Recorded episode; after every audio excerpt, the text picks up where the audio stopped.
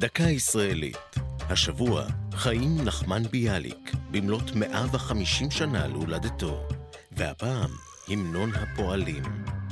במרוצת השנים התקבע מעמדו של התקווה כהמנון התנועה הציונית, ולאחר מכן של מדינת ישראל.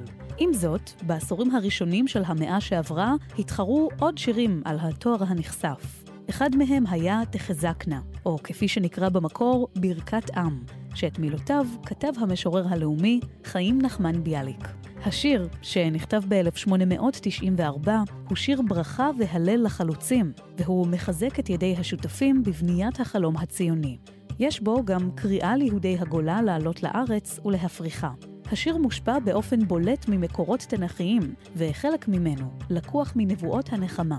תוך זמן קצר הוכרז תחזקנה כהמנונה של תנועת הפועלים העברית.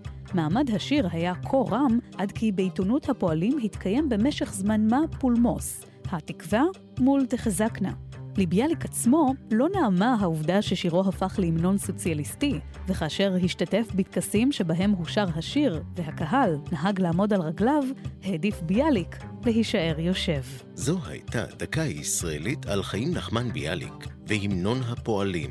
כתב ניב רובל, ייעוץ הדוקטור מרדכי נאור, ייעוץ לשוני הדוקטור אבשלום קור.